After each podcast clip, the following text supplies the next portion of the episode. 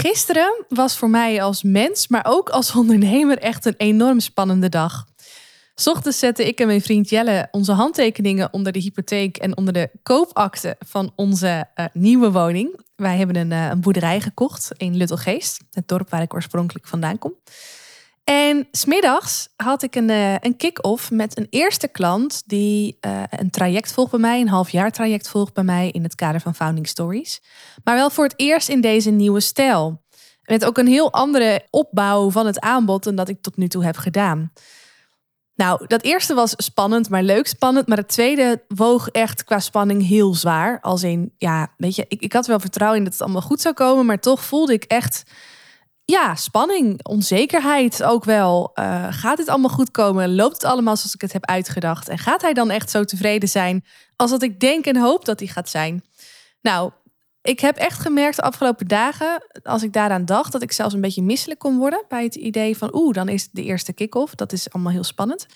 En daarbij moest ik ook weer denken aan een ander moment in mijn carrière, wat ik, uh, wat ik zelf heel spannend vond. En dat was mijn deelname aan uh, spreekwedstrijden. En dan vooral de speech-spreekwedstrijd, die ik uiteindelijk gewonnen heb. Maar daar, ja, dat wist ik natuurlijk aan het begin helemaal niet. En ik moest ook denken aan wat mij toen heeft geholpen om goed bij mijn hoofd te blijven. En waarmee ik bedoel, wat mij toen heeft geholpen om met mijn angst onder de arm gewoon door te blijven gaan. En in deze podcast wil ik je vertellen wat dat is. En ik wil er ook een kleine disclaimer bij geven, want uh, het wordt een uh, spirituele podcast. Dus als jij daar helemaal niet van bent, dan is het misschien het moment om af te haken. maar als je wel nieuwsgierig bent naar uh, hoe spiritualiteit mij heeft geholpen, heel specifiek in het geval van die wedstrijd en gisteren ook weer in de aanloop naar die kick-off sessie, dan uh, blijf vooral luisteren. Ik deel het niet zo vaak, maar het is wel een onderdeel van mezelf. Dus ik uh, ben benieuwd wat je ervan vindt als je deze aflevering gehoord hebt.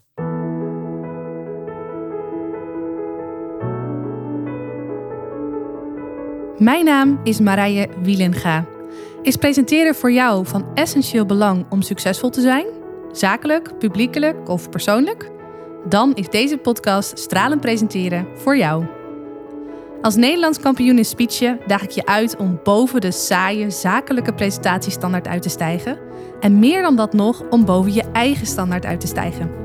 Blijf luisteren om te leren hoe.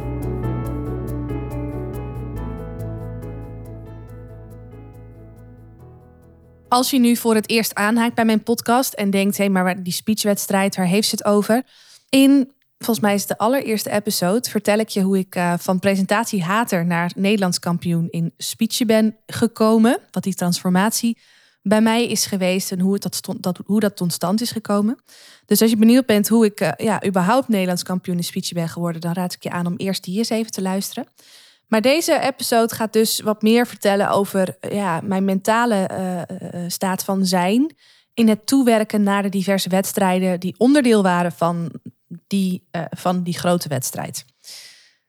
Nou, wat, ja, wat je wellicht zult herkennen als je, uh, als je ook wel eens presenteert en als je daar ook wel eens spanning bij ervaart, is dat het best wel uitdagend is als je zelf dus een presentatie gaat geven om enerzijds heel erg kritisch te blijven op de inhoud. Wat ga je wel vertellen, wat ga je niet vertellen? Um, die doelgroep, wat weet die doelgroep waar je voor staat wel, wat weten ze niet? Um, ja, wat is het doel wat je voor ze wil bereiken?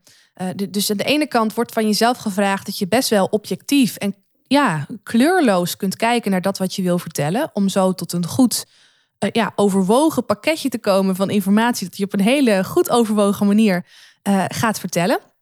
Maar aan de andere kant, en dat zul je dan waarschijnlijk ook kunnen beamen, heb je ook zoiets als emoties en gevoelens en spanning. En misschien wel zenuwen, misschien zelfs wel angst. Ja, het verschilt echt per mens hoe, hoe zwaar dit weegt. Maar uh, goed, ik, ik denk dat we niet kunnen ontkennen dat we er allemaal wel eens last van hebben. Helemaal daar presentatieangst, angst voor staan voor een groep, een van de drie grootste angsten is die wij kennen als mens, is een keer gebleken. Samen met angst voor spinnen en angst voor de dood. Maar goed, die angst neem je dus ook mee. En ik weet niet hoe het met jou zit, maar die twee gaan niet altijd even lekker samen. Want als jij bezig bent met de opbouw van je verhaal, En in je hoofd zit een stemmetje wat constant tegen je zegt van ja, maar wie ben jij nou om die te zeggen? Of ja, maar dat weten ze vast allemaal wel. Of ja, maar dat, dat je dat vertelt, moet je dat ook vertellen. Of uh, ja, weet je, nou, dit zijn maar een paar voorbeelden die kunnen maken dat, dat, het dus, dat je continu wordt afgeleid van dat objectief kijken naar die voorbereiding en naar je eigen verhaal. Dus misschien is het wel de grootste uitdaging als je echt voor een, uh, een, een grootste presentatie staat, om te zorgen dat die twee in balans zijn. Dat je aan de ene kant heel nuchter kunt, uh, bezig kunt zijn met de voorbereiding, maar aan de andere kant ook niet de hele tijd overweldigd wordt door alle emoties die er zijn. Maar toch ook wel dat je ze tegelijkertijd kunt voelen. Want heel eerlijk, het wegduwen van die emoties heeft geen zin. Dan komen ze vaak harder nog weer terug. Dat vertel ik ook in een aflevering, volgens mij is het aflevering 2. Hoe je om kan gaan met spanning. Het heeft niet zoveel zin om die spanning weg te duwen, want het brengt je ook veel. En ik hoop ook dat je dat kunt zien. Dat spanning ook maakt dat je scherp blijft. Dat spanning ook maakt dat je nou, kritisch blijft. Uh, dat, je, dat, je, ja, dat je on top of your game blijft, op zijn Engels gezegd. Dus spanning brengt je ook heel erg veel. En zo überhaupt emoties in de voorbereiding en opbouw, ja, die brengen je ook veel. Maar goed, als, er, als ze de overhand krijgen, is dat gewoon heel vervelend. Nou, bij mij speelde dat heel, heel, heel erg bij die speechwedstrijd. Want uh, die bestond dus uit verschillende rondes. En de eerste ronde was, nou eerlijk gezegd, niet eens zo heel spannend. Ik had wel vanaf het begin af aan zoiets van dit, uh, ja, dit, dit wil ik gewoon rocken. Ik wil echt hier iets neerzetten waarvan ik het gevoel heb, dit is het beste wat ik kan. Dus um, het is tenslotte een wedstrijd en nou ja, ik heb niet de illusie dat ik ga winnen, maar ik wil wel echt eventjes mezelf challengen, uitdagen om het beste te geven van wat ik in huis heb. En ja, dat bracht al, die, die lat die ik mezelf, uh, voor mezelf neerlegde, bracht al behoorlijke spanning met zich mee. Maar um, toch, weet je, het was voor mijn eigen clubpie. En ik kende alle mensen die erbij zaten. Het waren er misschien 15 of misschien 20 of zo. Dat was op een plek die ik goed kende. En ja, ik deed het echt voor de lol. Ik had eerlijk gezegd niet eens de, die illusie dat ik, dat ik verder zou gaan dan de lokale clubwedstrijd. Volgens mij was het ook de eerste wedstrijd die ik überhaupt meemaakte vanuit mijn lidmaatschap bij, uh, bij de speechclub waar ik bij zit. Bij Toastmasters. Ook over Toastmasters heb ik trouwens een uh, aparte podcast-episode. Dus als je benieuwd bent waar ik het nou over heb, als ik het heb over mijn speechclub, nou, dan zou ik zeker die eens even gaan luisteren. Goed, ik won dus die wedstrijd. En toen begon pas de echte spanning, denk ik. Want toen wist ik, oké, ik ga naar een volgend niveau. En als dat goed gaat, mag ik weer naar een volgend niveau. Maar die mensen ken ik niet allemaal. Er zullen ongetwijfeld leden van mijn club bij aanwezig zijn. Maar ik ken de rest van het publiek niet allemaal. En de locatie is anders en nieuw. En hoe dat dan gaat op zo'n ander niveau in wedstrijd is spannend. En de concurrentie wordt, wordt, wordt moeilijker, wellicht. Tenminste, dat, dat leek me. Achteraf bleek dat niet bij alle rondes zo te zijn. Want onze eigen speechclub is gewoon een hele goede speechclub op zich. Maar toen kwam die spanning. En nou weet ik heel eerlijk gezegd niet meer hoe ik erbij ben gekomen. Niet meer precies. In die tijd heb ik ook een, ehm, een, een cursus gedaan. En die cursus die, die ging heel erg over hoe je, hoe je balans houdt in je leven. Uh, er zat ook een stuk meditatie bij. Er zat een stuk uh, journaling bij. Dus dat je gaat schrijven, van je af gaat schrijven zonder dat je je hoofd daarbij gebruikt. Daar zat bij dat je jezelf nieuwe overtuigingen aan ging leren. Ik ben even kwijt hoe dat ook alweer heet. Maar dat je dus dagelijks iets herhaalt in positieve zin. Net zolang totdat je het zelf gaat geloven. Wat dus heel erg bijdraagt aan hoe jij je voelt op een dag. En hoe je handelt en, eh, en wat je doet de rust in je hoofd. Nou, het was gewoon echt een, een, ja, een spirituele cursus, laten we het zo zeggen. En uit die cursus had ik wat handvatten uh, meegenomen. En ik weet dus niet meer of dat die cursus toen nog liep of dat die al was afgelopen. Maar ergens dacht ik, ik ga nu zitten en ik ga nu bepaalde muziek opzetten. En ik ga nu zien dat ik er al ben. Ik ga nu zien dat ik op een bepaalde plek ben waarin ik die wedstrijd al heb gewonnen. Nou, nogmaals, ik weet dus niet hoe dat precies is ontstaan. Maar ik heb vanaf een bepaald moment in uh, de wedstrijd. ben ik iedere dag gaan visualiseren. Iedere dag ging ik zitten, in de ochtend was het meestal, op een plekje in huis waar het rustig was, met een koptelefoon op mijn hoofd. En op die koptelefoon zette ik muziek op en dat was een nummer, en ik ga straks met je delen wat het was, een nummer wat ik heel mooi vond en wat, wat mij, voor mij heel erg een gevoel van, van vertrouwen en hoop en liefde opriep, oproept nog steeds als ik het hoor. En ik ben gaan visualiseren. En het beeld dat in me opkwam bij hoe ziet het eruit als ik eh, succesvol ben, als ik geslaagd ben. En dan uh, ja, letterlijk voor deze wedstrijd, maar misschien zelfs wel überhaupt in het leven. Want als je bekend bent met visualisatie, het maakt eigenlijk niet eens zozeer uit welke beelden je oproept, maar het gaat er veel meer om wat het gevoel is wat je hebt bij die beelden. Um, omdat ja, dat gevoel, dat, dat wil je eigenlijk verankeren in je, in je leven, in je dag. En ik had heel duidelijk een beeld voor me van een uh, theaterzaal, een grote theaterzaal met van die hele mooie rode stoelen. En ik stond dan op een podium.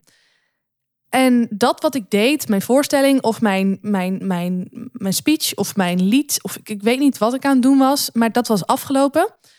En ik ontving het applaus. En het was niet zomaar een applaus van mensen die in de zaal zaten en die gewoon een leuke avond hadden gehad. Maar het was echt een applaus van mensen die diep geraakt waren.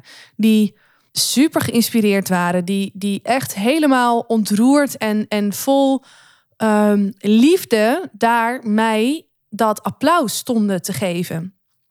En in dat moment, terwijl ik dat applaus ontving, ja, voelde ik wat ik heel graag wilde voelen. Namelijk dankbaarheid, maar ook uh, um, overgave en puurheid. Ook kwetsbaarheid, want dat wat ik had gedaan was iets kwetsbaars. Maar ook het gevoel, het diepgewortelde gevoel van ik mag er zijn, ik ben goed genoeg, ik draag bij aan deze wereld, ik doe ertoe. Dat diepgewortelde gevoel ja, kwam voor mij helemaal samen met dat beeld en met dat uh, nummer wat ik dan iedere dag opzette. Ik had er nog een aantal andere nummers bij, maar dit was voor mij de meest krachtige. En ik maakte daar dus een gewoonte van om in de aanloop naar uh, ja, naar die wedstrijd toe. Om gewoon iedere dag dat momentje in de ochtend voor mezelf te pakken. Om dit te doen, om deze oefening te doen.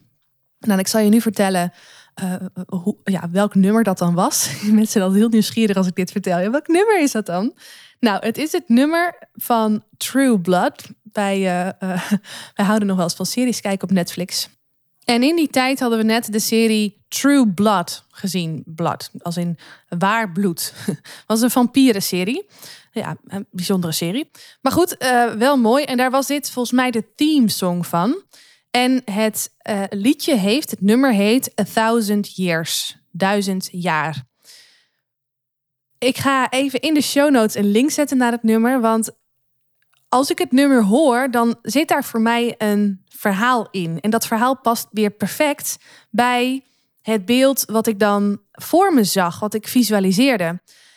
Wat ik namelijk hoorde in dat nummer, het, ja, het, is, het is een nummer gezongen door één persoon, door een vrouw.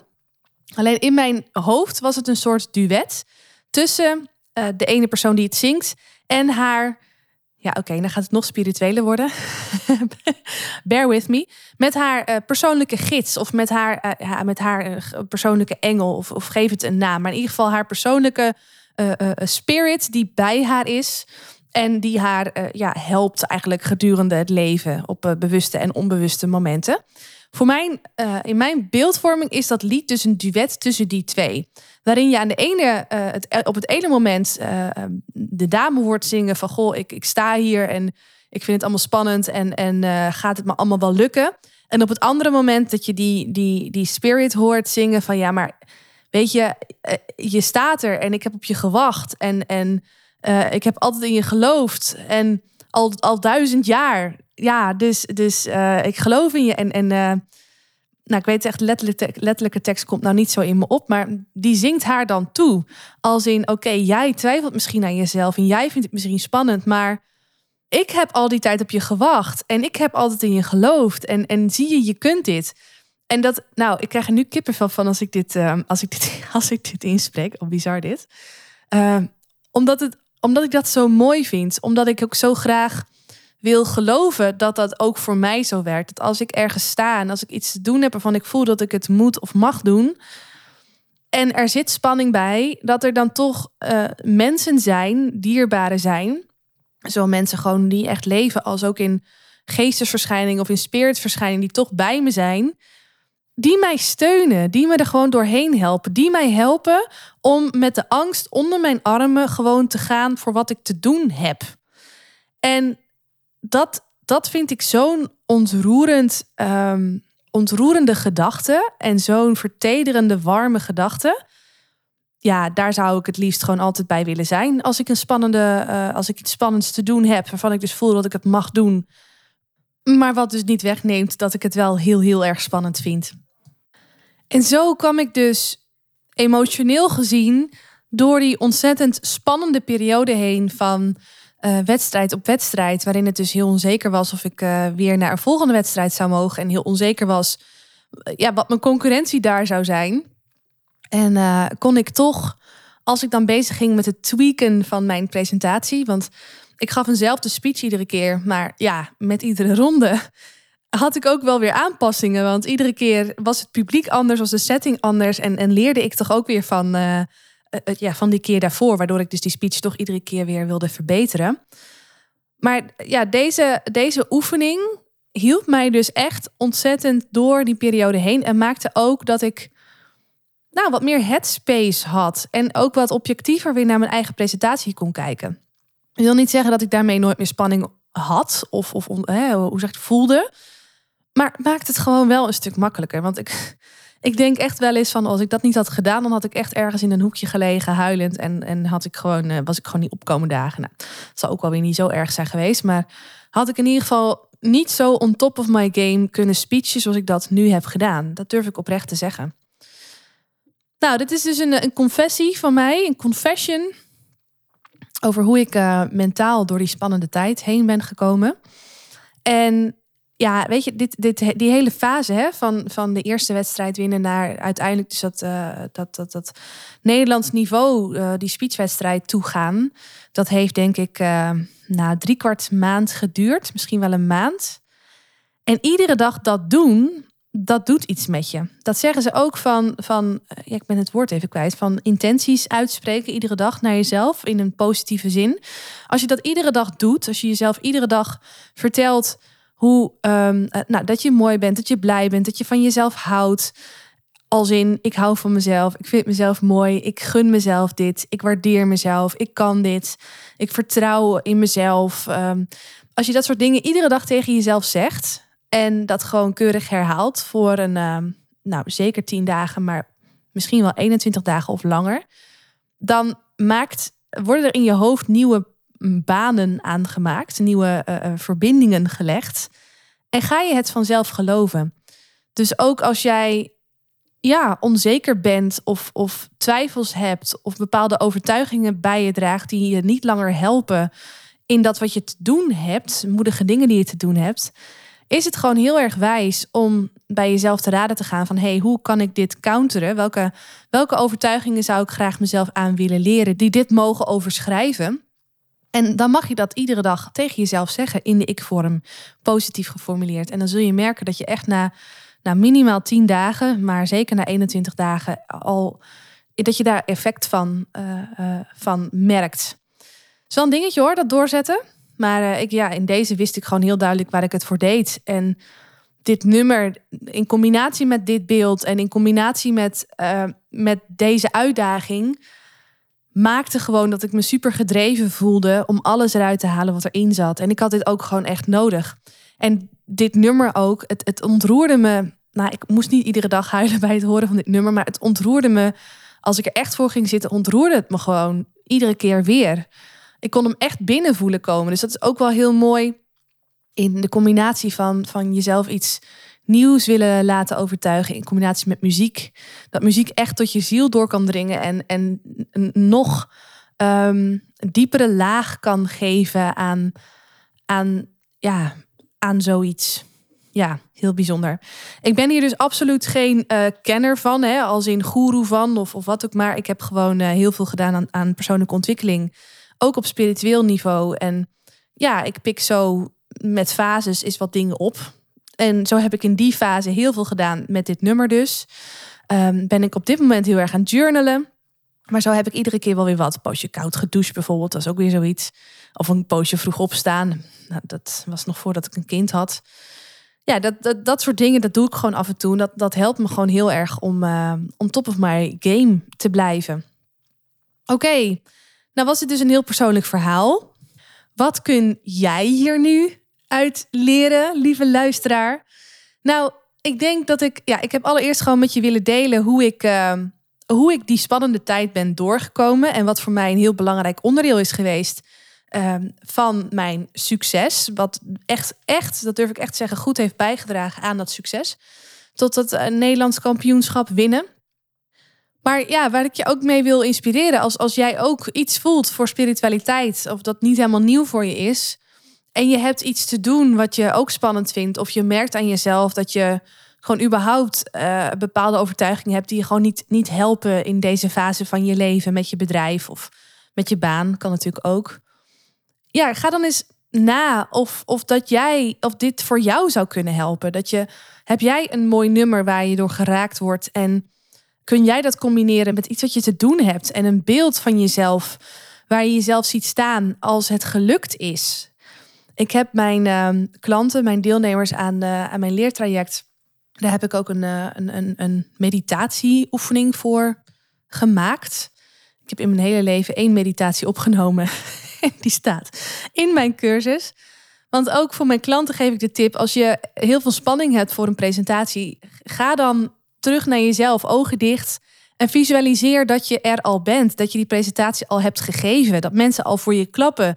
Uh, dat, dat er al, al, al, tranen zijn gevloeid of inzichten zijn gekomen naar aanleiding van wat jij verteld hebt. Zie jezelf maar staan in die overwinning. En je gaat vanzelf, als je dat herhaalt een aantal keer, ga je dat vanzelf ook geloven. En wordt de spanning voor een presentatie ook minder. Dus ook in die zin helpt het gewoon heel erg om te visualiseren en, en jezelf iets nieuws te laten geloven. Dus uh, dat is mijn, uh, mijn uitnodiging aan jou. En dan kom ik graag nog even terug op gisteren in de auto toen ik uh, ja, mijn spannende dingen te doen had.